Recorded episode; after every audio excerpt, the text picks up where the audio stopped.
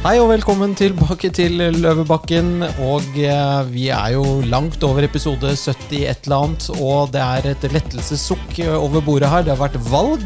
Det har vært borgerlig hva skal vi si, En borgerlig blå bølge har skylt over landet. Og endelig så blir alle sykkelfelt malt igjen. Parkeringsplasser blir bygget opp. Og eh, vi kan eh, Nei, jeg vet ikke hvordan det blir, Monica, men eh, det var i hvert fall eh, vært valg, og det har vært veldig spennende. Ja, Er du sånn passe fornøyd, eller?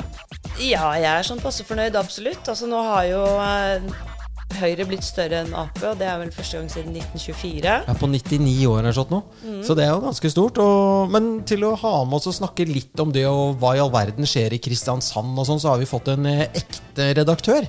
Eh, Gunnar Stavrum fra Mener du med ekte? Altså at han er liksom redaktør, sånn bortsett i motsetning til oss. Eh, som er fra Nettavisen. Eh, og det skjønner seg selv at det er en avis som er på nett. Den kom allerede i 1996, da ingen forsto hva internett var, men det skjønte Gunnar tydeligvis. Det var synd at den ikke var engelsk, for det hadde vært liksom sånn Google i dag. Men det kan vi snakke om eh, senere. Men, eh, men, men Monica, bare sånn valget, valgvake. Var du på valgvake? Eller vi, vi var jo det. Vi var jo det. Vi var på valgvake i går på um, en sånn uavhengig valgvake som uh, Are Søberg, Sløseriombudsmannen, arrangerte på uh, Kafé Amsterdam i Christian Augusts gate, hvis noen lurte. Og um, det var jo da Stinn Brakke.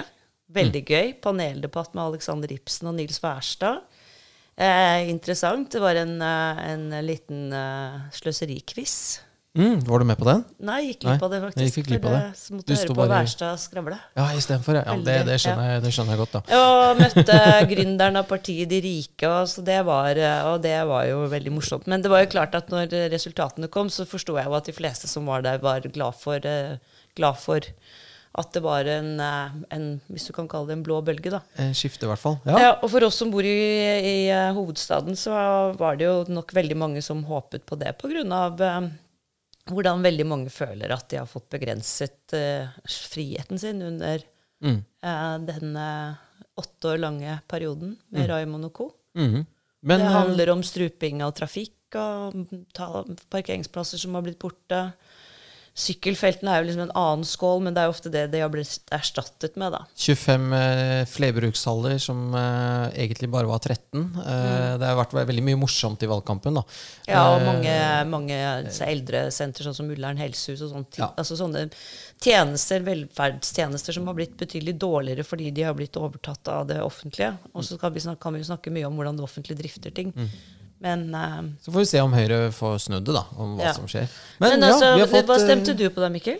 Du, jeg, jeg stemte Jeg er jo radikal borgerlig, så jeg stemte radikalt og borgerlig.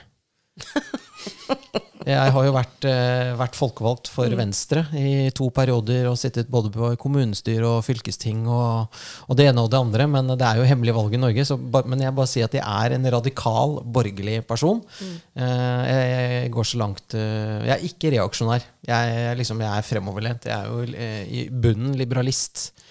Eh, så jeg kunne gjerne ha stemt liberalistene, men jeg synes at de, de, de, de har sånne metadiskusjoner. Sånn at eh, det, det kommer jo aldri noe sted, dessverre. Men det er veldig hyggelige mennesker i liberalistene. Uh, Venstre er jo et eneste langt seminar. Uh, jeg mistet jeg troen på for lenge siden. Høyre er gørr kjedelig. Frp røykarullingspartiet. Jeg vet ikke. Ja, et eller annet sted har jeg stemt på borgerlig side, men det er helt hemmelig. Eh, jeg har ikke stemt Senterpartiet, selv om jeg er medlem av Senterpartiet. For at Senterpartiet i Oslo, det er, eh, det er en vits. Det, det tør jeg å si. Men det er en annen sak, da. Mm. Ja. Ja, nei, Hva nå stemte du, da? Jeg, eh, jeg har Bompengepartiet? Nei, Nei. det gjorde jeg ikke. Nei? Jeg har gjort det før. Ja. Men det var fordi jeg ville ha Bjørn Revild og Cecilie Lyngby inn i bystyret. Ok, men det er Fordi bra. det er folk som kommer utenfra og skal inn. Bra. Ja. Det syns jeg er veldig bra. Veldig, uh, veldig stimulerende i alle mulige sammenhenger. Sånn som Marius Nilsen i uh, Frp, Ja, ja, ja. som kommer fra næringslivet. Tror det er veldig bra. ja. Så jeg liker å få inn sånne folk. Så nei. Så jeg meldte meg inn i INP fordi at partiet skulle få mer enn 5000 medlemmer. Men jeg stemte ikke på dem. Nei, nei, men du har i hvert fall støttet dem. Jeg Ja. støttet i VA. Og de har gjort et helt vilt valg. Ja. Hadde det vært stortingsvalg, så hadde de jo fått mandater og alt Det er mye bra der. Nei, og Ja, spennende. Så liker jeg Bjørn Revild, og så liker jeg Arve Juritzen. Jo, så jeg stemte litt på personer og litt sånn Ja, forskjellig. Litt forskjellig litt. ja. Ja, bra. Men, Men, når vi nå først har en eh, hva skal jeg si, altså en nestor i mediebransjen her, har vært med en stund. vært med en stund Velkommen. Ja, hva, Er du fornøyd med valget, Gunnar? Jeg er veldig, veldig fornøyd med valget. Um, jeg er jo blant de få redaktørene som hvert valg eh, egentlig sier hva jeg kommer til å stemme, og råder folk til å gjøre. Og um, jeg er partipolitisk uavhengig, men jeg tror de seks siste valgene så har jeg tenkt mye fram og tilbake. Men så har jeg landa på Venstre. Så også i år så var rådet stem Venstre. Dette Ja. seminarpartiet. Så det, det, det, det, ungdomsforelskelsen din er ikke over, altså?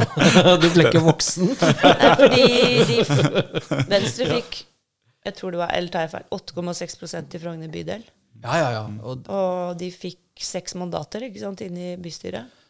Ja, altså, jeg kan si at grunnen til eh, Det er kanskje enda viktigere i Kristiansand. da, fordi Jeg mener at Venstre er korrigerende, eh, en korrigerende faktor for et borgerlig, et, for et, et borgerlig flertall. Eh, Jeg ønsker jo et skifte i, i Oslo.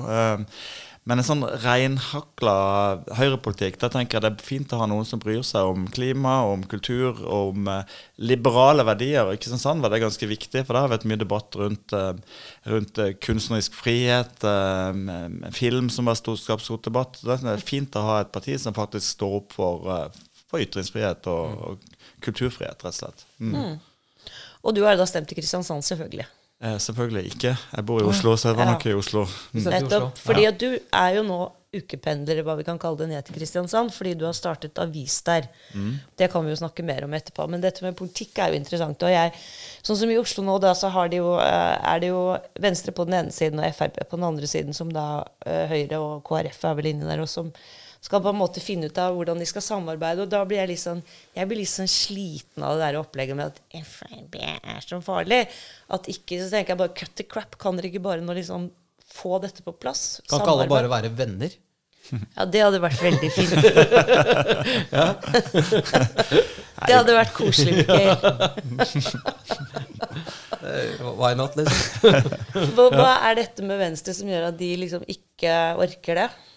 Altså, det, politikk han, handler jo også om interessekamp og, og, og uenighet. Altså, og jeg vil jo si det er jo deler av Fremskrittspartiet som står meg nær. Eh, Jeg er på en måte også en form for Liberalist er kanskje litt drygt å si det, men jeg får en ganske fri eh, næringslivspolitikk. Så der vil jeg si at jeg er ganske eh, liberalistisk. Men jeg er jo svært lite nasjonalistisk og ekstremt veldig lite opptatt av folks hudfarge og, og religiøse bakgrunn. Så det er jo deler av Fremskrittspartiet som liksom stiller bak de aller fleste partier eh, jeg ville stemt på. Så derfor er det sånn det er ikke unaturlig at det er, at det er motsetninger. og Jeg tror nok mange i Fremskrittspartiet også føler at under perioden med, med, med Erna Solberg så var ikke Venstre alltid så lett å samarbeide med heller. Så Nei, sånn er det. Det er på en måte gjensidig skepsis. Ja da, og det er jo en, eh, også sånn i forhold til Nå er det jo dette bystyret i Oslo, da, men det er jo Du så jo med Frp sammen med Høyre. ikke sant? De, de, må gjøre så, Det blir så masse kompromisser for dem at de mister jo velgerne sine, eller mister liksom tilliten fra velgerne sine fordi de ikke får ført egen politikk. Og det er jo selvfølgelig et tankekors for alle disse partiene, men samtidig som jeg tenker at de må være litt sånn pragmatiske også. Det er akkurat det. Jeg har jo, altså jeg har jo venner som, som fremdeles er sur på Erna Solberg fordi hun ikke fikk fjerna formuesskatten. Så tenker jeg hva du sa i sted, å røyke et eller annet altså, Det er jo ikke sånn at hun kan gjøre det uten å ha et flertall i Stortinget. Sant? Det var ikke i nærheten av et flertall i Stortinget å fjerne formuesskatten. Sånn, sånn er politikk. Altså, du Ja, må, parlamentarismen. Ja, ja. det er det. Du ja, må forhandle og finne fram til Du må gi og ta. Eh, og det, egentlig er det litt fint, altså. Ja, og så har du dette liksom fenomenet som liksom er da ytterkantene på politisk side. Du kan si Rødt, da. ikke sant? Og, men så på, på høyresiden så har du også en haug med sånne De kristne, konservativt, Norgesdemokratene, liberalistene. Så jeg bare tenker, er dette for slags surr? Altså, det blir, jo, men altså, at ikke man kan liksom ha litt mer konsensus og så være enig om at man er uenig om en del ting. Da, ikke sant? For det blir sånn veldig sånn smalt og veldig mye særinteresser. Og det ødelegger jo også veldig. Ja, og samtidig så ser vi jo at ikke, selv om det bare er to partier, så kan du jaggu være ganske uenig i de partiene også. Både se på England eller, eller på USA og, og England. Så er det jo ikke sånn Det er ikke gitt at det er konfliktfritt av den grunn, sant? men det er jo Jeg synes jo også, altså, I Kristiansand i år så var det 19 lister. Vi lagde, var, forsøkte å lage valgomat der. Du må gå inn med, du må inn med millimetermål for å finne uenighet på noen punkter. Sant? Og det, det blir jo too much, egentlig. Men jeg må jo si, du som redaktør av Nettavisen er jo liksom eh, Dere er, skiller dere litt ut, for dere har jo gitt faktisk plass til en del av de litt mindre partiene. Sånn VG og TV 2 og Dagbladet sånn, de, de, de, Da hører du aldri noe om de andre. Mens dere har liksom fått frem litt sånn eh, INP og jeg tror til og med liberalist Altså Dere er ganske sånn large på å gi en plattform da, Ja, vi er det. til andre. Eh, Det, det, det første jeg gjorde da jeg dro til Kristiansand for å starte den nye avisen, da, som heter KRS, by the way, så var at jeg lagde podkaster med alle de 19 liste, listetoppene i Kristiansand, og ble kjent med de. Ja. Og vi lagde selvfølgelig valgemat med alle 19. For det, det skulle bare mangle i et demokrati at ikke du faktisk kan sette deg inn i alternativene. Og det, det første sjokket i Kristiansand var jo at alle 19 er jo velmenende folk. sant? Det er jo faktisk til dels hyggelige folk. Eh, Men de går ikke til valg på å lage livet jævlig Nei. for andre, selv om kanskje noe av det de gjør, gjør det, da. Må, Sånn, ta, bort- ta bort 5000 parkeringsplasser, liksom. Det er jo, men altså, det er vel ment, da. Ja. Det morsomste tenker jeg allikevel var, hun fra eh, NKP. Hun var fjerdegenerasjons kommunist. Så jeg spurte henne hva, hva, hva hun mente om eiendomsskatten. Da hadde jeg forventa at hun skulle heve den, men hun ville ta den bort. Så sier jeg 'hæ, vil du fjerne eiendomsskatten?' 'Ja, vi er imot eiendom', sa hun. så egentlig var det 100 Den er dritbra. Hun er konsekvent, liksom. Selvfølgelig. Ingen skal ha eiendom. Jævlig. Du, den var bra. Den likte jeg faktisk. Det blir ikke eiendomsskatt når du ikke eier noe. Eller når du er mot eiendom. Ja, ja. Helt fantastisk. Men, men Gunnar, Norges første nettavis eh, Altså kanskje ikke, men ok. 96, det er tidlig. Eh, var du sånn geek som eh, hadde store briller og, og Det var jo da man skrev CD punktum punktum. Eller ja, man hadde kanskje fått Windows, men det er tidlig, da. Hva, hvorfor? Ja, det, heldigvis er det veldig mange som tror at jeg var med fra dag én. Det var jeg ikke. Det var min, eh, en av mine beste kamerater som starta Nettavisen, Odd Harald Hauge. Jeg jobba i Dagens Næringsliv, da, også med internett. eh, og etter hvert i TV 2 Interaktiv. Så, vi, så jeg kjøpte, eller var med å kjøpe Nettavisen i 2002. Men eh, jeg husker at vi, vi dro på en sånn studietur til USA. Da møtte jeg Mark Andresen, som senere lagde Netscape, og veldig sånn tidlig laget nettleser. Jeg to timer sammen med han i, i, i Stanford, og bare etterpå så bare måtte jeg ut og riste på hodet og, tømme hjernen, for det jeg skjønte ingenting. Men du skjønte at det var sjukt? Jeg skjønte at det var sjukt, og at det kom til å bli gigantisk svært. Det gjorde jeg. Men hvordan, det var, det var Det skjønte jeg ikke helt. What the hell happened here? Ja. Nei, for Det er noe med å gripe den muligheten. ikke sant? Fordi det er veldig lett å, det er alltid lett å være etterpåklok og si at herregud, hvorfor gjorde ikke jeg flere det Jeg startet nettavis tidlig, eller hva som helst da Så jeg skulle bare kjøpt Amazon? Ja, Volvo Amazon. Nei, Amazon. Altså, han, han solgte brukte Heter det bøker på nett. Amazon? Amazon. Amazon. Ja, men altså, han startet en butikk som solgte brukte bøker. I Bare- garasjen hjemme. Jeg blir sånn, Hallo, skal jeg investere i et firma som selger brukte bøker på in Hva kalte du for noe? Internett? Men tenk hvis du hadde liksom puttet 100 000 kroner inn i det, Monica, i 2001. Ja, sånn som Forrest Gump. Da da hadde vi jo bare Da hadde vi jo bodd på en yacht, vi. Han, han sa I bought some stocks in a fruit company. Apple, ja! Ikke sånn. ja nok, nok fleip. Ja da, sorry. Ja. det, vi har gjort det- veldig mange ting vi kunne ha gjort som, uh, som vi ikke har gjort, som, eh, som vi kan angre på. Ja. Mm, rett og slett. Eh, nei, men eh, det var jo det, og faktisk også i, da, i Nettavisen, at han Erik Stefansen, som var politisk redaktør, skrev nå i ettermiddag her at eh, TV 2 og NRK eh, særlig burde gå i seg selv i forhold til at de har gitt Jonas Gahr Støre seks eh, på disse partileder, terningkast seks på partilederdebattene ganske konsekvent. Mens resultatet sier jo noe annet. Altså Folk har ikke oppfattet det slik, eller er det irrelevant? Altså det, eller er de farvet av hva de selv ønsker seg? Etter, eh, to refleksjoner rundt det. Det ene jeg- kommer til å svare til deg etter hvert. Men det første er refleksjonen av å sitte i Kristiansand og følge valget. eh, Og, og følge med på, på norske liksom, riksmedier. Og bare oppleve hvor fullstendig irrelevant det er å se partilederdebatter diskutere noe som overhodet ikke har noe med, med, med Kristiansand å gjøre. Og det er ingen i Kristiansand som jeg opplevde som var opptatt av de partilederdebattene heller, for de var opptatt av lokale saker. Det andre refleksjonen jeg har gjort meg rundt akkurat det, det er at jeg, dekker, jeg har vært i Arendalsuka noen ganger når det har vært partilederdebatt. Og som regel så har jeg ikke vært i salen og sett den. Jeg har sett den på TV. Og opplever at jeg har en helt annen oppfatning av han enn de kommentatorene som sitter tett på politikerne. Jeg tror det blir Eh, altså hvis Sitter du tett på Jonas Gahr Støre, han er en veldig sympatisk og hyggelig fyr på Tomasson, Eh, mm. Og du eh, han snakker jo litt sånn middelklassens språk. Sant? Journalister flest er jo middelklassepersoner. Så jeg tror ikke det er fordi de Akademisk, ja. Akademisk, ja. Mm. At de på dødelivet som elsker Jonas Gahr Støre og på, døds, på dødelivet vil ha Arbeiderpartipolitikk. Men det er bare han, han taler til dem. Mm. Han treffer den gruppen, eh, tror jeg. Mm. Men det var ved Hvor var det det sitatet Det var uh, en eller annen på Facebook som skrev at Jonas Gahr Støre er han fyren som reiser seg opp på foreldremøte når det egentlig har vart altfor lenge allerede, og snakker om en problemstilling som er helt irrelevant, og som ingen forstår. Ja. ja. Det var bare et lite litt irriterende, litt, litt irriterende. Ja. Ja, men, men altså, jeg gidder heller ikke å se på de partilederdebattene. Og det er liksom av to årsaker. Sånn som denne, det, Bare ved et kommunevalg så er det liksom det var, Ja vel, dette er jo problemstillinger som ikke har noe med f.eks. valget i Oslo å gjøre. da. Mm. Og så har du det at eh, de står og eh, skal ta hverandre hele tiden. Det, det, jeg orker ikke å høre på det. Nei. Jeg har en sånn, av og til et sånt uh, mentalt bilde når jeg hører Jonas Gahr Støre svare på noe. Så, så senker jeg meg en tenk, tankeboble, og så står det i tankebobla Hva ville en sosialdemokrat svart?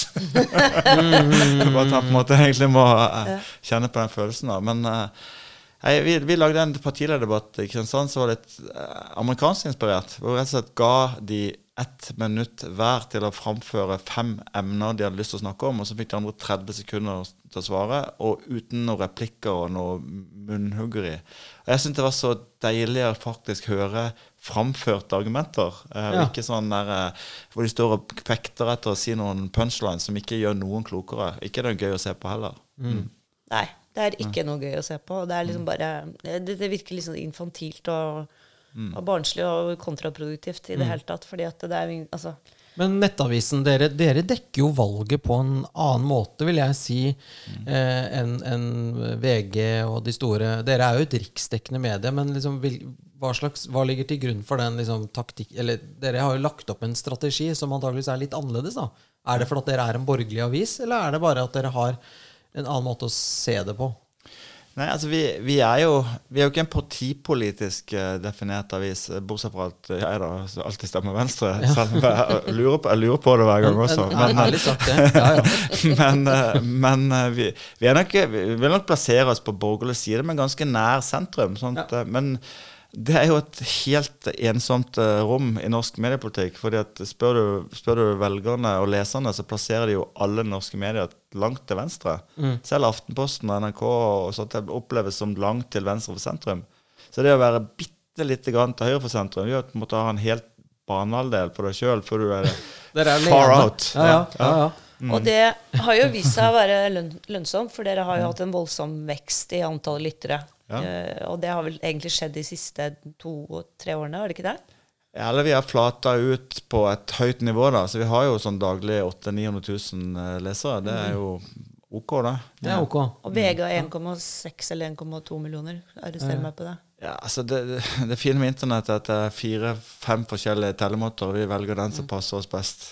Da blir det best resultat. Det er alltid veldig smart. Men dere er i hvert fall store. Det er, helt, det er helt åpenbart. Det er helt åpenbart. Men, ikke sant? Så, så, så, og det er jo veldig Fordi at du kan si sånn som Finansavisen og DN, som er liksom mm. veldig sånn næringslivsrettet, og så har du jo Aftenposten, som kanskje kan være liksom litt mer i Nettavisen sin gate, og så har du jo VG, som er veldig tabloid. Mm. Og så er det Dagbladet, som er helt på trynet. de der, altså, nå er det helt altså, Nå er det helt, helt mayhem der med de der overskriftene, og det er sånn kjempestore typer Akkurat nå. Gul. Akkurat nå. Ja, altså, akkurat nå. Nå. Akkurat nå. Advarsel. Nå. så, så de er jo, begynner å bli helt fullstendig useriøse i min verden, da. Altså det, det, som jeg syns er gøy, da, eller mitt prosjekt sånn sett som, som, redaktør, det er å bidra til å ha en, eh, en samfunnsdebatt. Mm. Og på en måte å ikke ikke lukke den til. Jeg synes liksom, når, når du, hvis, du på, hvis du har vært i utlandet en periode og du kommer tilbake til Norge, så slår det deg hvor utrolig smalt rom det er på meningsuenighet i Norge.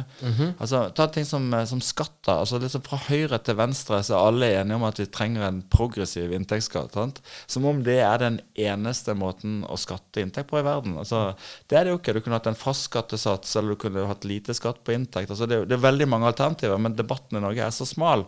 Så derfor, eh, derfor måte, har vi prøvd å eksempel har vi rekruttert folk som er eh, tidligere muslimer, til å kritisere islam. Fra et standpunkt som er veldig vanskelig å angripe. Altså Når du kommer fra Iran og familien din er blitt tatt livet av, så Lilly, for eksempel. har du faktisk uh, legitim rett til å ytre kritikk. sant? Uh, jeg syns det Personlig, som, som, som klimabevisst, så, så er jeg jo på en måte opptatt av global oppvarming. Men jeg syns det er for lett å, å, å dømme alle som på en måte har en nyansert annen oppfatning, eh, som, eh, som klimaverstinger og nettroll. Altså det, det er kulere å høre på hva de faktisk mener. Eh, og så Jeg kan liksom nevne mange eksempler der. da. Det, jeg, det er en mission jeg prøver å, å ha. Ja, og det, og det er, men, og det er jo Det legger man jo merke til måte, når man ser Altså Nettavisen er liksom føles i hvert fall litt mer eh, large da enn mye annet, men Ja, eh, veldig mange av de ja. som, har, ja, som får legge inn kommentarer, Mm. er jo folk som er veldig, syns jeg, har interessante, klare standpunkter. Ja. Og eh, når vi snakker om klare standpunkter, så har vi en annen veldig raskt voksende avis i Norge som heter Subjekt. Og redaktøren der, Dambi Choi, som vi har hatt her på podden to ganger, eh, han er jo en eh, Hva skal jeg si? Han har jo åpnet det rommet både for ytringer og meninger, syns vi Altså, eh, jeg syns han har hatt et fantastisk prosjekt. Hvordan ser dere i den etablerte pressen på det?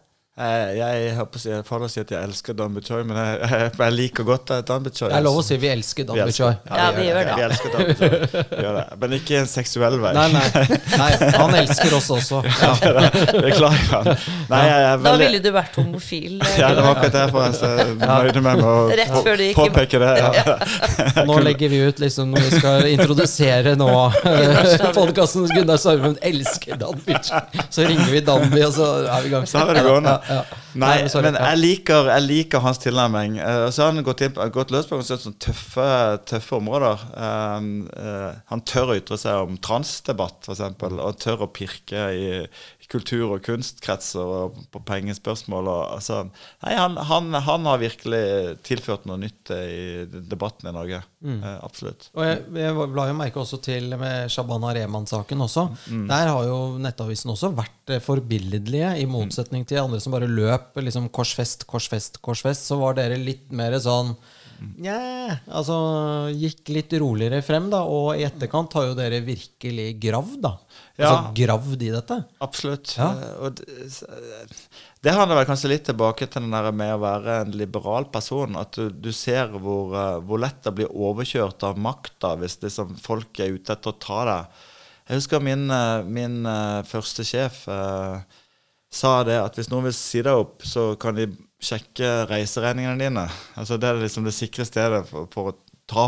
Sånn, for alle er litt unøyaktige. Og som Ja, regel alle har så- glemt noe, liksom. så regel så passer de seg litt, uh, litt bra. Og så, så Jeg fikk litt den følelsen med, med, med Shabana Rehman. Hvis du liksom plutselig gir uh, en sånn person fem millioner kroner til en stiftelse da, du, du tror jo ikke at Shabana er revisorutdanna. Du skjønner at det, på en måte, at det, det følger noe med å gi penger på den måten. Og, det, og så etterpå så blir det millimeterrettferdig og, og pusser et revisjonsfirma på henne. Det syns jeg var rett og slett urimelig og litt uredelig. Ja, og BDO har jo fått uh, ganske mye kritikk for måten de Ja, har gått frem på. ikke BDO. Ikke BDO. Ja, Unnskyld. Det var EY, var det ikke det? Det var en ja. gang, ja. ja. ikke be- be- BDO er snille. Sorry, BDO. Det er samme er- u-land. Jeg liker å si at EY er liksom finansverdens Wagner-gruppen. Wow. Du kan bare leie ned Ja, ja, ja. Fuck EU, liksom. Må aldri bruke EU. EU suger, liksom. Faen ta dem, ass. Jeg, De har så mye svin på skogen. jeg tør ikke si noe der. Nei, men eh, Gunnar Stavrum nikker veldig når jeg sier det her. Det er Nei godt, det er godt vi ikke har kamera, tenker jeg. Nei da, det er ikke sant. Ja. Uh, Men det- ja, det er jo riktig det du sier. Mm. At, Det meste av det jeg sier, er riktig. Sorry. Ja. Det er Marius som ringer fra Sveits. Det er ikke kødd Det engang. Det, ikke. Oi, det var derfor det var så hissig, den der Min venn Marius bor nå i Sveits. Det, er det er leit, men sånn har det blitt. Apropos Sveits, vi hadde jo ikke tenkt å snakke om det, men dere dekker jo litt sånn Sveits-saker.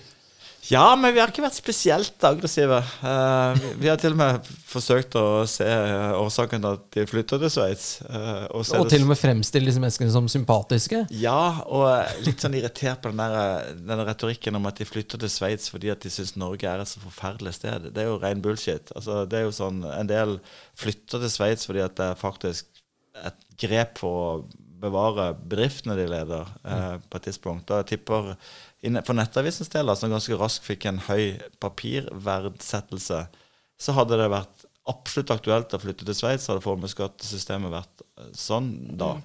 Da, ja. Ja, ja, ja. ja, ja. ja.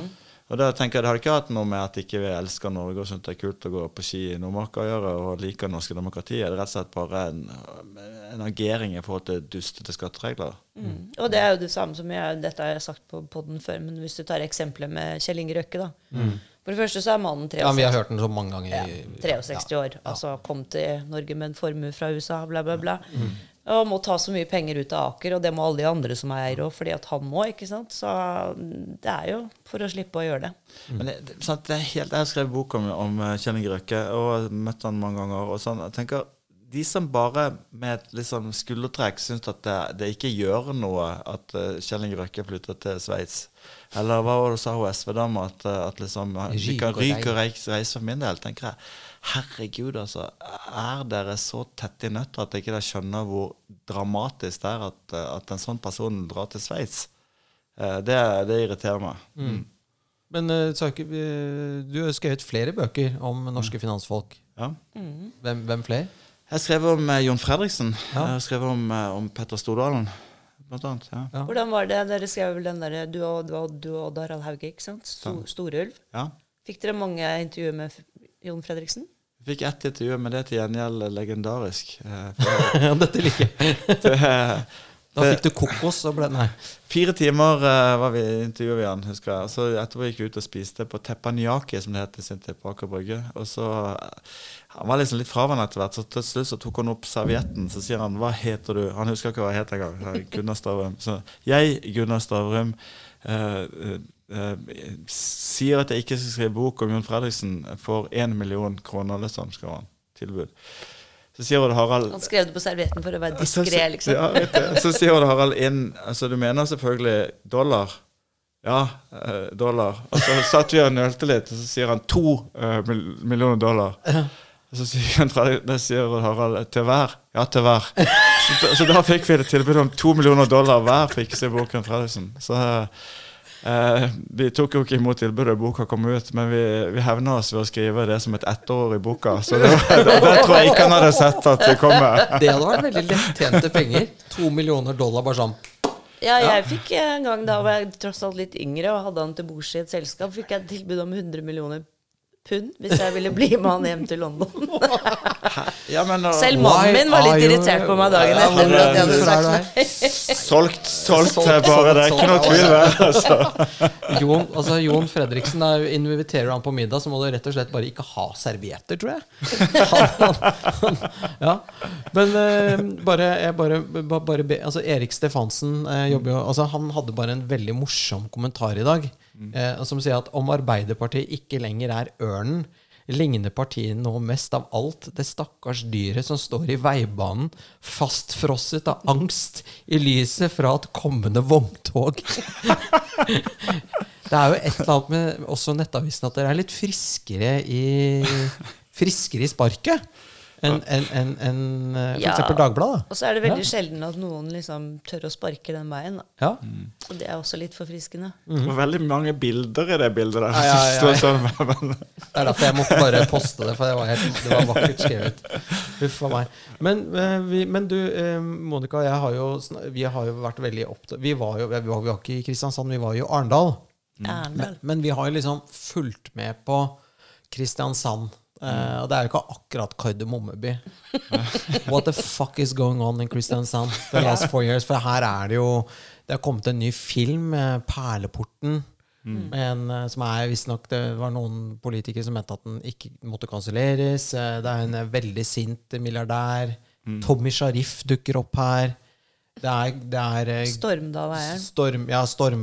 Nicolai Tangen. Tangen. Kunstsilo. Jakkelen, Jaklen, han derre i gul dress som holdt tale da vi Ja, var ja. Han er der. Altså, det er jo faen meg freakshow. Kan ikke du bare, for oss normale mennesker som bor på liksom det trauste Østlandet, kan ikke du sette oss inn i hva skjer i Kardemommeby? Eh, Hvor er ditt? Altså, kan, jeg tror vi kan hoppe tilbake til eh, valget for fire år siden. Uh, fordi at Da var det tre saker som eh, var veldig forskjellige, men som hadde en del felles. Var, den første saken var at uh, Nicolai Tangen, byens store sønn, oljefondets sjef, kom til byen med en kunstsamling som da var verdt 130 millioner kroner. Eh, Det ville han gjerne ha plassert i Kristiansand, men det eneste han trengte, var en kunstsilo som eh, kommunen og fylket kunne betale, som kosta 600 millioner. Så det var da en del som syntes det var en ganske dyr uh, oppbevaring for den, den kunstsamlinga. Vi snakker ikke bare om en silo i betong som må putte kunsten inn i. Vi snakker liksom om litt sånn moderne Ta en silo og rive den ned og bygge den opp igjen Ja, eh, til en til, en, eh, museum. til et museum. Ja. Så det var den ene saken. Den andre saken var flytting av containerhavna. Den ligger akkurat der rett foran kunstsiloen. Foran Kanalbyen, der liksom fiffen med den første tegnen bodde da. Eh, så da, ment, så liksom det var også en sånn sak som gikk på at de som var kunstinteressert og hadde penger, de ville ha nytte av at, av, av at containerhavnen var flytta. Og så det siste den siste saken var en bompengesak som heter Gartnerløkka. Så de tre sakene kom samtidig og skapte en slags eufori hvor det var folk flest uh, mot uh, fiffen og de rike. Så det var på en måte en, en aggresjon. Så uh, var det bare én avis som fantes der. Eh, de var veldig tidlig entusiaster bak Kunstsilo. Um, Er det Fedrelandsvennen? det var Fedrelandsvennen. Ja, ja. Fæven. Fæven, ja. Fæven. Eh, og så, så, så, så kommer denne milliardæren inn i bildet. da Einar Øgrei Bransdal, som da er blitt rik på netthandel og blir vakker, for de som følger med på det, som da ga penger for å starte en Facebook-side som het Sørlandsnyhetene, uh, som skulle avsløre alt grums i Kristiansand. Og der gikk de litt tom for grums litt tidlig. Og til gjengjeld så, så fant de på ganske mye som nesten var grums, eller som kunne vært grums. Eller er, er vi sikre på at ikke dette er grums, da? Så det var litt sånn som VG og Dagbladet, på en måte? De bare fant opp På ting? speed Nei, og på speed. på speed. Uh, og helt uh, normalt hederlige folk ble jo kjørt beinhardt. Og de, en, en fikk hjerteinfarkt, en lå i koma. Det var, det var, det var steintøft. Eh, Jeg må le, for de, vi kan si nå røpe at de overlevde og sånt. Men det var, det, det var en veldig tøff session som slutta med at, eh, at ved valget forrige gang så, så fikk eh, Demokratene med Vidar Kleppe i spissen ti mandater i, i, i bystyret. Og en, og en tverrpolitisk liste som også var protester, og fire til. De 14, hvis jeg ikke teller feil, har bytta partier totalt 22 ganger i løpet av siste periode. Så de har vært innom to og tre nye partier før de ved årets valg har stilt med egne lister. Og den førende personen er da den som nå sitter med Sørlandsnyhetene, Er det Nilsen? Nilsen. Nils Nilsen i Ja. Sørlandspartiet. Ja. Som da, som da i går ikke kom inn i bystyret. Og som en liten fun fact, han, han fikk færre stemmer enn de blanke stemmene. Så de blanke stemmer vant over Sørlandspartiet. Så folk var lei av, av rotet og i Kristiansand. Men hvis, det hvis de går 14, hvor mange er de totalt? I forrige gang var det 71. eh, Ok, Så de var ikke så store, da. Jo, men 20% av velgerne stemte på disse partiene. da. Eh, nå er de helt borte. Men ja, Var det ikke sånn at dagen etter at Demokratene hadde gjort det sånn kjempevalg, så var det fire som meldte overgang til Ap for at de ville ha noe sånn kattegreier? Og det var bare, eh, det var sirkus. Det bare kaos. Ja, bare kaos. Eh, Den var ikke helt borte i år heller. For i år, så, I år var det to som brøyt ut av partiene faktisk uka før valget. Så det er jo liksom de, de, de tok sorgen litt på forskudd denne gangen. Dette er veldig bra. Det er, det er jo litt sånn rart for, oss fra fra utsiden, fordi det er liksom sånn Sørlandet er liksom De er liksom For det første så er jo dialekten veldig sånn tiltalende og snill. snill. Og så er det så rart at liksom det er Altså, det, er- det er jo så mye galskap. Vi var jo der nede i Nei, du var ikke med, Mikkel. Hvordan? Vi var jo og så på Arendal? Ja, Sløserikommisjonen. der var jeg ikke. Nei. Altså, det er jo Men ok, jeg, jeg prøvde å Eller jeg hadde på en måte en forsøksvis en, en litt annen eh, tilnærming enn å være sånn bare fordømmende. Være litt nyanserende. Er men jeg skjønner at folk blir forbanna i en by med store sosiale forskjeller, stor barnefattigdom og mange, mange ting som trenger penger, eh, at, at de plutselig bygger en kunstsilo. Mm. og I ettertid sett er det litt rart at ikke Nicolai Tange bare kjøpte hele greia sjøl. Han ga jo vekk eh, fem milliarder kroner for å bli oljefondsjef, så Ja, ja. det hadde spart byen for ganske mye. Det tenkte jeg også. blod. Ja. Ondt blod. Og så tenker jeg at det var 72 år sammenhengen hvor, hvor Høyre hadde sittet med makt eller deltatt i maktspillet i Kristiansand. Så det er klart at det er en sånn by så er det en nære forbindelse mellom politikk, eh, religion, eh, næringsliv. Så, så et form for kameraderi var det. Så eh, til forsvar for, de protestant- for disse protestpartiene jeg vil si at det var bra at det på en måte ble kasta en håndgranat inn i, i, det, i det systemet. Nå i år er det jo på en måte et solid borgerlig flertall. Protestpartiene er døde, og, og vi er tilbake til normalen. Tobias er i tårnet, og det er ingen skyer på himmelen. Og. Vi har røvet Sofie tilbake. Nei. Nei, ja, det, og det har vært en bra valgkamp. En Ja. saklig valgkamp. Så, så ja, det, vi trengte en, en hestekur og litt medisin. Ja. Det er bra at du sier det, da. Ja, men sånn som Fedrelandsvennen, hvor er de plassert seg sånn eh, har de- Er de noe politisk? Altså jeg tenker på i forhold til din nye avis. Altså, det er jo en Hvordan- gammel venstreavis, sånn at de vil vel være etter hvert upolitisk, men kanskje Jeg tror nok kanskje de vil være et hakk lenger til venstre enn en det jeg personlig står for. Men det er ikke egentlig partipolitisk forskjell som er tingen. Det var, det var nok mer at altså, de det er lagd et veldig morsomt kunstverk om denne debatten, hvor da Fedrelandsvennen ble kalt for Feigelandsvennen. Og så har så har de sånn, så sånn nyhetsvarsel hvor det heter Nyhetsvarsel. kolon. Begge sider er like ille. Ja, ja. Altså de på en måte for, I forrige valg tok en, eh, ikke en klar stilling da. Vi, vi har KrS vært beinharde i år. Vi har kjørt ganske hardt på Demokratene og vist hvordan de har tatt uh, tømt partikasser, gitt hverandre penger Oi. og altså Wow. rett og slett drevet journalistikk. Og, og Vidar Kleppe fikk ett mandat Ja. uh, mot ti forrige gang. Så sånn, jeg tror det hjelper å sette et søkelys på ukultur også. Ja, ikke sant? Og dette er ikke fordi at du ikke liker Demokratene, men det er fordi at dere driver journalistikk. Dere graver ja. liksom i Er partikassa din personlig privatøkonomi-ish eh, greie? Og hvorfor gjøre de vanlige grepene som ikke Sørlandsnyhetene gjør? da, liksom sånn Vi konfronterer de, vi, altså, vi, vi får deres kommentar. Så det er jo det som er synd, da, at ikke liksom de for fire år siden på en måte Istedenfor å bli så gærne at de hele tiden måtte ha nye avsløringer, at de ikke tok seg tid til å liksom sjekke de grundig. Og så ble det jo ingen Det, det, var, jo ingen, det var ikke noe dialog overhodet. Nei. Det, men det var fordi du, fra at det var en Facebook-side, så ble det på en måte en nettavissak, ikke sant? Ja, det kan du si. Eh, Hvis du skal sammenligne med noe, vet, så tenker jeg at det minner om trumpisme. Altså sånn, det, Hva som egentlig er fakta, spiller ikke noe stor rolle så lenge du på en måte eh, kan bare fortsette å gønne på det.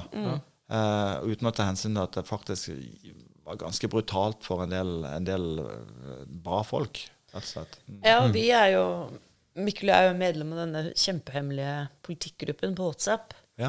Jeg vet ikke om dere har noe lytte... Lytteposter der? Det, Jeg tror jeg var medlem jeg tror jeg var medlem jeg òg ja, ja, ja, ja, ja.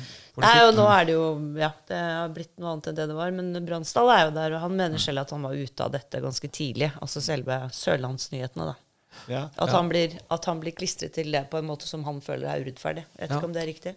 Ja, og da øh, To ting rundt det. da Jeg synes jo Det ville jo vært veldig rart om ikke journalister sa ja til å være med i en sånn gruppe. Altså Rett og slett fordi at du følger med på hva som skjer i verden. Mm, det er ganske morsomt. Ja, det er jo Det var ikke tvil i mine øyne. litt sånn sett Men det andre er jo at, at det er Bransdals følelse av det Da kommer vi tilbake til 'Perleporten', denne filmen i år, sant? hvor eh, den Har du er sett den? Ja, jeg har sett den. var på premieren. Og jeg fikk jeg må- Vanskelig å si, eller jeg må nesten være ærlig på dette punktet. For det, eh, det, er, det, er- det, er, det er jo et karakterdrap på en figur som ligner på Einar eh, Øgrei Bransdal. Eh, det er liksom, det er absolutt alt han gjør, er helt forferdelig i den filmen.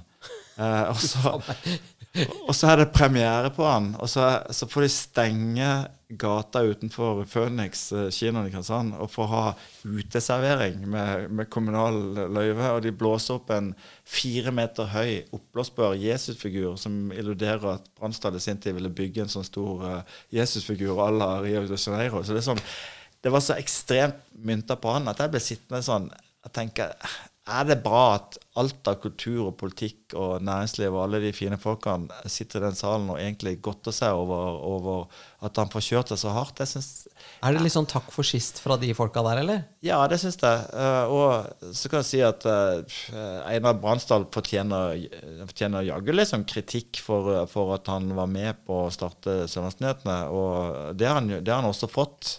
Så Det der, det der eh, som du refererer til, det høres jo mer ut som mobbing. Ja, mm. det var litt, eh, Statsfinansiert mobbing? har fått Kommunalt finansiert, Eller de har fått penger Jo, men de har jo fått penger. Ja. ja. ja.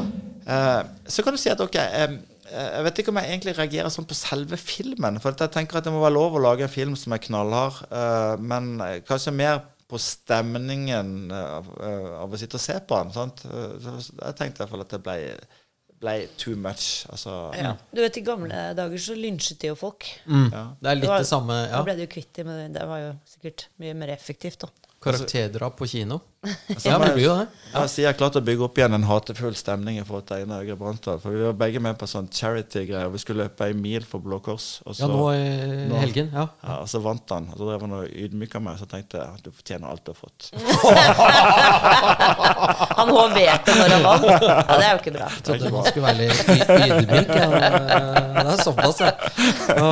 Men det, det er jo litt uh, Altså, ikke sant, den menneskelige natur, da, som jeg tenker når du snakket om Vi var inne på det i sted. Hvis bare alle hadde vært snille. Jeg kan ikke alle bare være med. No. Ja. Ja. Ikke sant? Så er det menneskelige natur har det jo ikke, altså Vi har det jo ikke i oss. Vi har jo alle disse fasettene, og så kommer det bare an på hvor mye vi blir trigget. Se på i krig hva folk kan finne, seg, finne på å gjøre eh, for, på grunn av en sak. Og det er jo litt det samme som du snakker om her. Og det samme gjelder jo generelt, syns jeg, nå i, i den politiske, det politiske klimaet, eller i hele samfunnsklimaet. Det er veldig mye ja, altså Jeg skjønner ikke det er, så- altså det er så mye snakk om hatprat. Ja. Altså det, er, det er liksom eh, Veldig misbruk av ordet hat, for det første. Og så syns jeg det er helt hårreisende hvis folk sitter og hater noen de, som bare er politisk uenig med dem, som de ikke engang har snakket med eller sett i øynene. Det er ganske farlige greier. Det er det. Eh, sånn, eh, jeg skjønner jo at folk, eh, eh, at folk eh, misliker intenst det eh, Einar Øgre Bransdal var med på for fire år siden. Og mange av de følte på kroppen selv. Jeg skjønner den følelsen. Mm.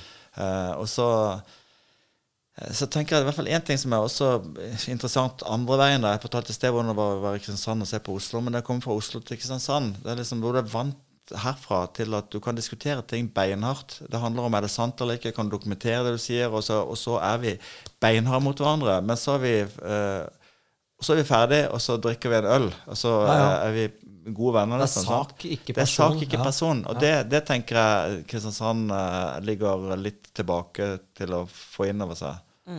Eh, og det du sier om hatprat, det er jeg helt enig om. Jeg, jeg, jeg, jeg håper å si jeg hater ordet hatprat. Fordi at eh, For meg er hat at du har Du faktisk hater. Du har en inderlig. brennende, inderlig hat for en person. Sant? Er sånn at du har lyst til å fjerne dem fra jordens overflate. Ja, ja. Riktig. Da er gjerne sånn skrubbe dem, og det skal liksom være Det skal Det- gjøres brutalt òg. Ja. Det er hat. Sant? Det at du har en sterk mening, altså at du har en sterk mening som noen andre føler seg krenka av, det oppfatter ikke jeg som hat. Altså Det oppfatter jeg som at du sier noe som noen føler seg krenka av. Men, men er ikke det altså Da har vi liksom disse her, um, ord At, at eh, språket har jo nyanser. Det at eh, Språket blir un, unyansert. Politikken blir unyansert. Altså, eh, jeg misliker uh, Altså, det er jo mange uh, man, man trenger ikke Altså Nå bruker ungdommen uh, hat på alt. Jeg hater Oslo Sporvei, liksom. Det er bare sånn, Nei, jeg syns de er Oslo dumme. Sporveier? Eller, nei, men altså Jo, men altså, alt er Det liksom Ok, jeg, jeg hater epler, da. Istedenfor å si 'jeg liker ikke epler', jeg syns epler er mindre godt enn pærer. Altså, altså Det er det derre at man visker ut nyansene i språket. Eh, og det er kanskje Nå vet jeg Jeg, jeg, jeg har ikke følelsen av at Nettavisen gjør det, men jeg har litt sånn Jeg ser jo tendensen i journalistikken også. At uh, nyansene viskes ut. Da det blir veldig svart og hvitt. da Ja. Ja. Det, det blir det. Og det er jo Altså, vi lo litt, eller du lo litt, jeg bare så på at du lo, av, av Dagbladet i sted, med sånn der eh, akkurat nå og sjokk og sånn. Ja. der. Ja. Det er jo lagd en egen sånn nettside som måler graden av Ja. sjokk på Dagbladets front. eh, Hver morgen så sjekker jeg den. Så veldig morsom. Nå er vi veldig høyt her. Det er klart at det, er... Unormalt sjokkert. det, jo, det, går jo, det går jo inflasjon i det. Sant? På en måte, du bare, etter hvert så går du tom for ord som er enda mer ekstreme enn det du har brukt til nå. Og, det, og så blir du bare lei. Mm. du, du, du har ikke noe troverdighet lenger når du roper sjokk uh, hele tiden. Nei, det er jo som å rope ulv, ulv. ikke sant? Altså det samme, ikke sant? Det betyr at du blir sånn Å ja vel, ja. Men, men det er bekymringsfullt allikevel. For det er fordi jeg oppfatter det faktisk er noen som sitter og hater. Ja. Som hater politiske motstandere, som hater mennesker de aldri har truffet med, som bare er politisk uenig med dem. Ja. Og det handler ikke om at jeg er politisk uenig med noen som er liksom keen på at alle jøder skal drepes, eller ikke sant? Så skjønner du, det er, ikke, det er ikke på det nivået. Det handler om politikk på økonomi og på kanskje ja, samfunnsspørsmål, kultur. Hvor mye man skal bruke på um, Hvor mye Kulturrådet skal Potten skal være. Den type ting, da. Og så får du altså mennesker som sitter og, og hater andre mennesker uten å i det hele tatt ha forsøkt å komme i dialog med dem. Jeg er veldig glad i USA, har vært der mange ganger. Men sist jeg var i USA, så, satt, så kjeda jeg meg på hotellrommet. Satt og så en kveld uh, switcha mellom Fox og CNN. Ja. Og jeg bare oppfatta at de, de var overhodet ikke i samme verden. Altså, Nei. det var, eh, og det, det oppfatter jeg som helt nytt, Egentlig. Det er skummelt. Det er veldig skummelt. Og det, det er litt der vi kan være i ja, altså Tendenser til det samme i Norge, da, hvor, liksom, eh, hvor Kjersti Bergstø på en måte, hun, hun er jo rett og slett sint på rike rike Kan bare ryke og reise til Sveits. Det er sånn Trump Det er sånn Trump ville sagt. Ja, og hun ja. Peggy Hessen. Ja, gøy, ikke sant? Ja. Ta de rike. Ja. Jeg blir, det er liksom veldig ubehagelig. Jeg tenker, å Hva slags er dette for noe? Men, men, jeg- men eh, s- siden vi siden på en måte beveger oss i mange miljøer, så kan jeg jo si at jeg oppfatter jo den samme intense mis... mis hva skal jeg- Nøyen, eller misnøyen mis- eh, fra- fra folk jeg kjenner som på en måte er i næringslivet, mot, eh, mot Peggy Hessen da, eller de Mm. som, så det er sånn, Vi vil jo ikke dit. Det er jo ikke sånn vi har det i dette landet, egentlig. Vi snakker sammen, og så er vi pragmatiske. Ja, det, altså det er jo det som er demokrati Dette har jeg jo sagt før også, men demokrati er jo en reise i uenighet. Det er, sånn, det er to måter å styre et samfunn på.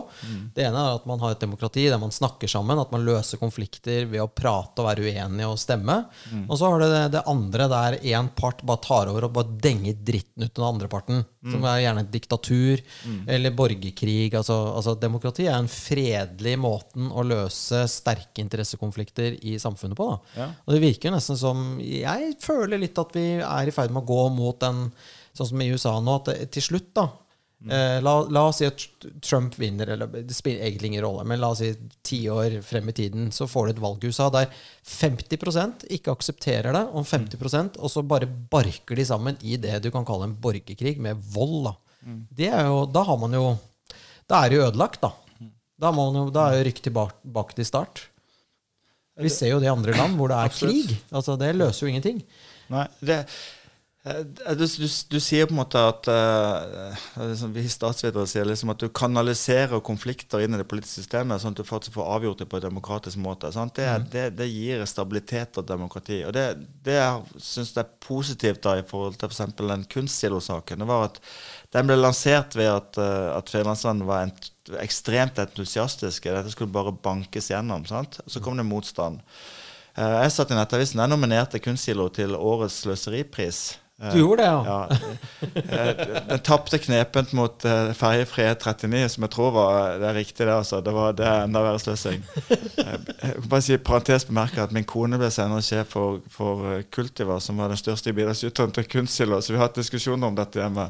Men, men, men det som det avfødte, det var på en måte en stor debatt i Kristiansand. Og så ble det, ble det faktisk et informert uh, vedtak i, i, i kommunestyret og i, i begge fylkeskommunene. For da var, da var det da hadde man tatt debatten. Man så at dette regnestykket kom ikke til å gå, det var overdrevne budsjetter. Man hadde fakta på bordet, men allikevel så vedtok flertallet kunstig lov.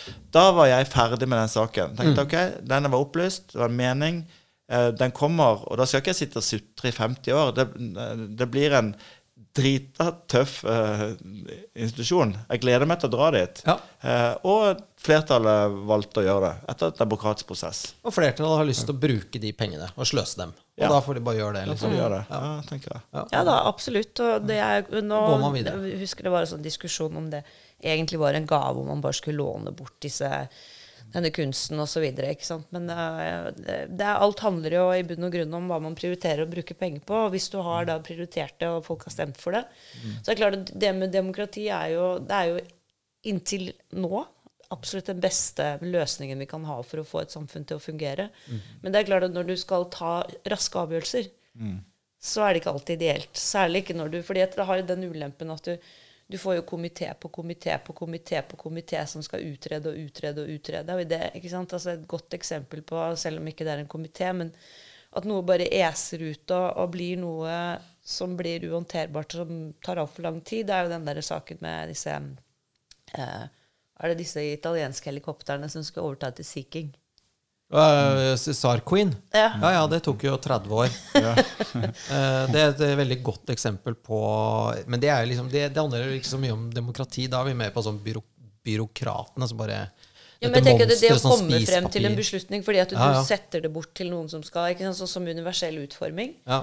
som handler om ikke sant, hvordan handikappede altså bygningsnormen da, Mm. skal tilpasses handikappede.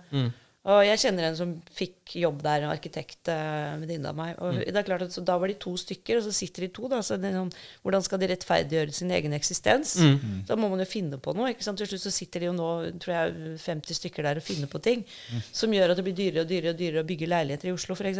Og det er sånn politisk liksom Det er mangel på politisk styring. Det er jo da, ja, hvis du ikke, Så vi kan, ikke sant, få, vi kan få noen sånn den type resultater, og så kan vi få noen saker som det tar altfor lang tid å få tatt en avgjørelse på. Det er jo svøpen, da. Ja, Uten at jeg har noen løsning på det. Nei, altså. men, jeg, men jeg, jeg kjøper det. Jeg tenker, jeg tenker kanskje Det beste eksempelet der er jo store samferdselsprosjekter. Altså Du har lyst til å bygge jernbane gjennom Ski. ja. Altså, så Samme hvor du skal bygge det hen, så er det selvfølgelig en eller annen eh, gård og en åker eller et eller annet som klarer å legge innsigelser og få det til Våtmark og sånn. våtmark, og Ja, få det til, til sivil eh, si- eh, noe, stats, statsforvalteren. Sant? Og så, Mm. så går det mange år som er ekstremt dyrt for oss som betaler regninger. Og de pengene kunne jo med hell vært brukt på andre ting. Og Da tenker jeg at ok, ikke bruk lengre tid enn at saken er opplyst, og, og, og så tar du en beslutning. Mm. Og ikke bare la det trenere. sant? Ja, og da må jo liksom noen si at ok, nå er saken opplyst, nå tar vi en beslutning her. ikke sant? Og det, det er jo Da må jo noen være den sjefen da og si at nå Det Det er politikerne. Ja, Det er politikerne. Det de bør gjøre, er jo, er jo å lage regler for saksbehandlingen som gjør at du på en måte ikke kan bruke uendelige tider. Eh, jeg syns et godt eksempel er eh, um, jeg, jeg har engasjert meg ganske mye for de eh, eh, flyktninger som på en måte Ureturnerbare flyktninger som, eh, som kom fra Eritrea, hvor de kommer. Som har bodd her i Norge i 20 år og hadde jobb, jobb i Posten. Eller, Forsørget seg selv. Eh, hadde jobb, og så fant eh, noen ut at de hadde brutt eh, At de hadde Noen brutt som ringer deg fra Sveits nå, kanskje? Mm. så, så finner noen ut at, at dette er jo ikke lov, og så, og så mister de retten til å jobbe, og så ble de på en måte bare, bare eh, mot, trygdemottakere istedenfor. Mm. Eller de fikk ingenting. I USA, så vidt jeg vet, er reglene sånn at, du, at staten har seks måneder på seg til å få de ut av landet. Hvis ikke de klarer det, så har de rett til å jobbe. Ja. Og Det syns jeg er en veldig fin ordning. Ja, Altså, why not? ja. ja, ja. Men kunne man også gjort det med den type sånn type Nå skal vi se på om vi kan lage den jernbanen gjennom Ski, og si at dere har ett år på dere, finn ut av det. Ja. Ja, Eller så- eller nei. ja. Ikke sant? Ja. Eller så kommer vi med linjal og bare djup, der går den. Ja, det, det går jo ikke da, Mikkel. Det er det de gjorde. diktatur igjen.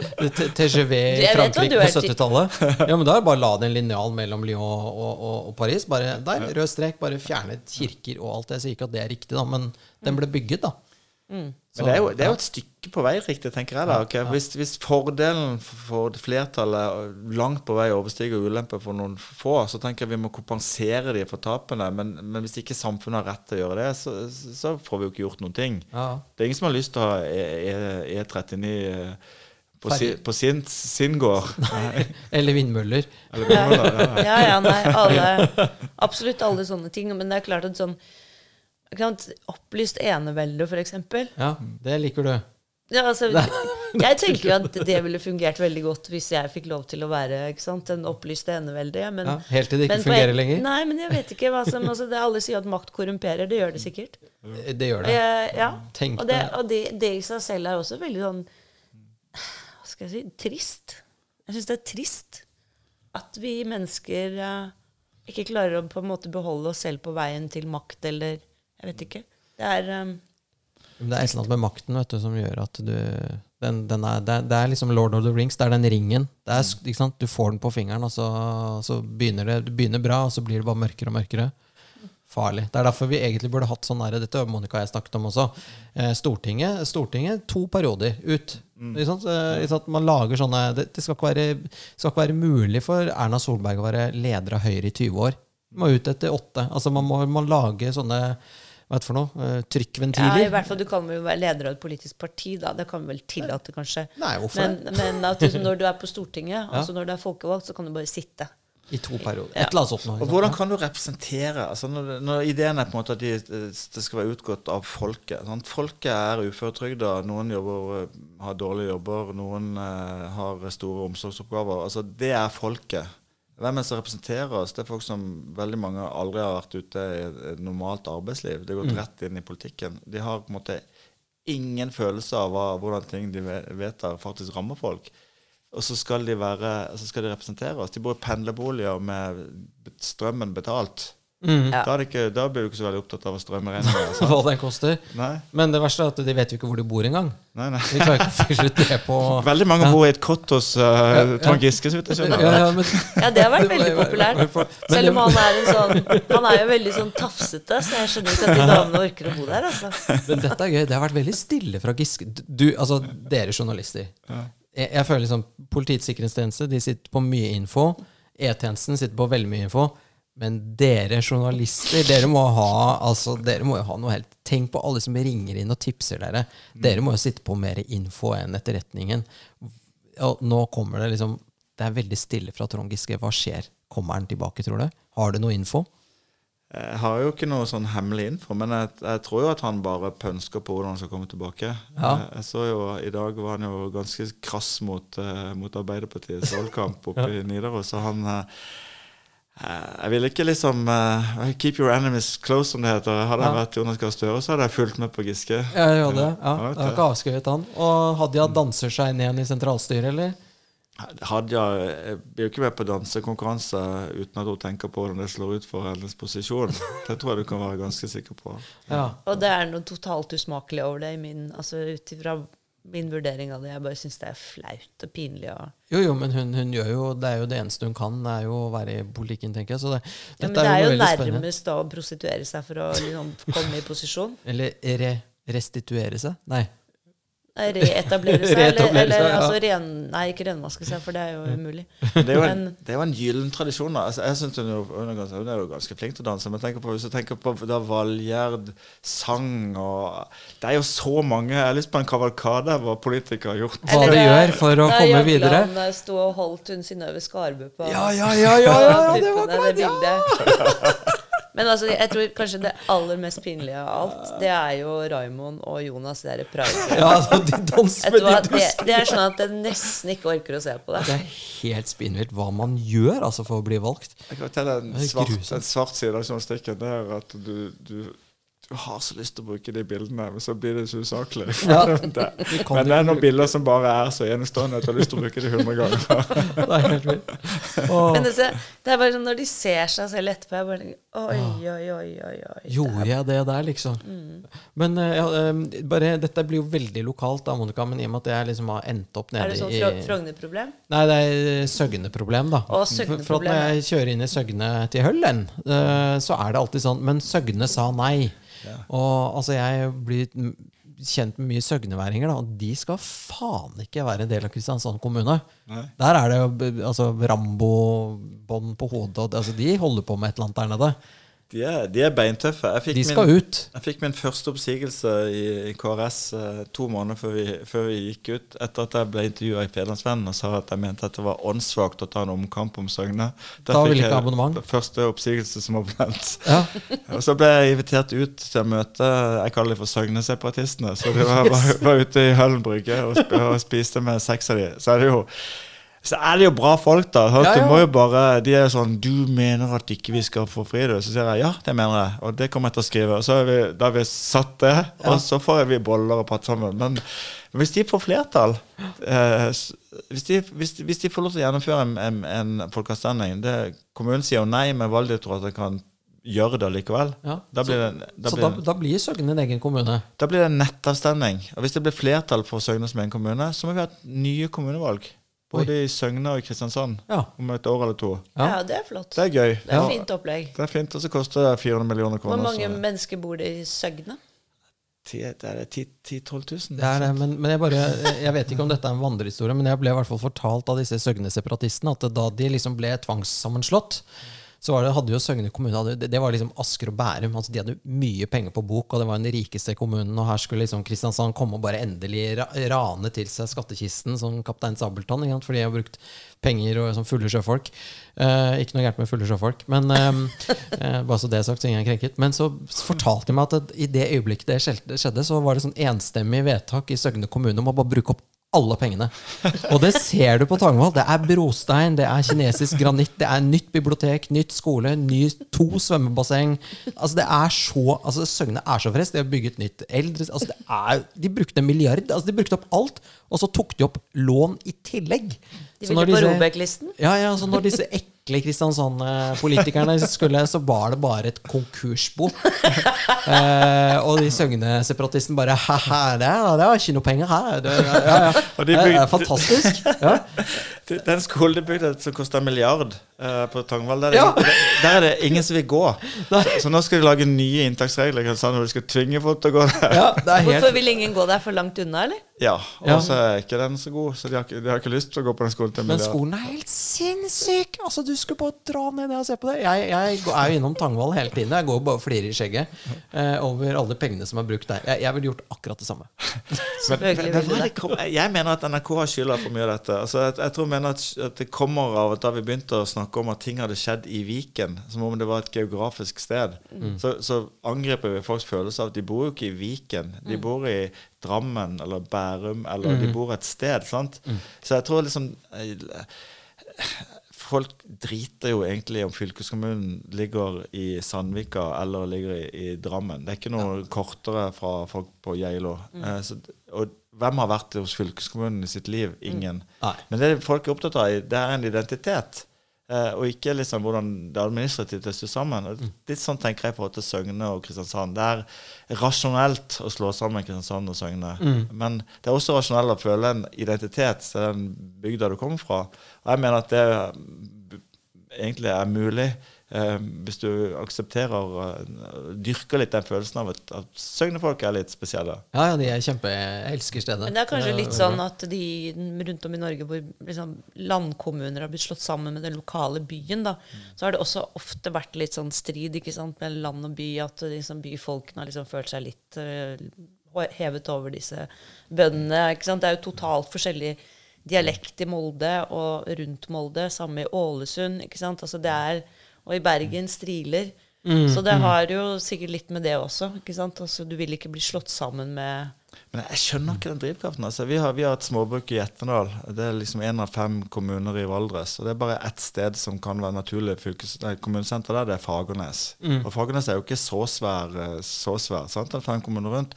Alle rådmennene, alle ordførerne i fem kommuner gikk inn for å slå sammen det til én kommune. Eh, og så var det flertall mot de fire, de fire minste kommunene, og selvfølgelig stort flertall i fagene. Så folk, folk flest ville slå det sammen, men de fire kommunene gjorde det ikke. Som er sånn det er jo egentlig helt absurd. For det er klart, eh, Hvordan skal du lage barnevern i en kommune hvor det er 1400 innbyggere, Ja, ja. og alle kjenner hverandre? Sant? Det, det er opplagt at du må ha en viss størrelse for, for noe, men nei. Ja, det er jo Jo, men det er ikke sant, du, altså, Da ser du jo liksom hvor vanskelig det er å drive noe som er veldig stort. Da, ikke sant? Når du ser hvor mye stridigheter det er bare på et bitte lite sted. Det kan handle om alt mulig rart. At det blir fraksjoner og Så tre- det er en kommune med 3500 mennesker ikke sant, klarer ikke å bli enig. Nei. Og alle, alle er gift med hverandre, og sånn, så det er jo De er innablet, Det er i det, huet Det i det, er det liksom. som er problemet. Ja. selvfølgelig. Ta to kommuner i, i Vestland, da. Eh, Modalen som kraftkommune. 300 innbyggere og, sinnssyke kraftinntekter. Vaksdal industrikommune sliter med dalfabrikker. 3500 innbyggere. Spør du de 3800 totalt sett, så vil det jo være 90 for å slå det sammen. Men hvis du spør de 200 i Modalen, så vil de selvfølgelig ikke dele på pengene sine. Nei, nei, selvfølgelig skal de ha fire badebasseng hver og sånn. Dette er helt Men det er jo ikke sant, det ligger, det ligger jo også i menneskelig natur å ikke ville dele på pengene sine med noen du føler liksom, som du ikke føler noen tilhørighet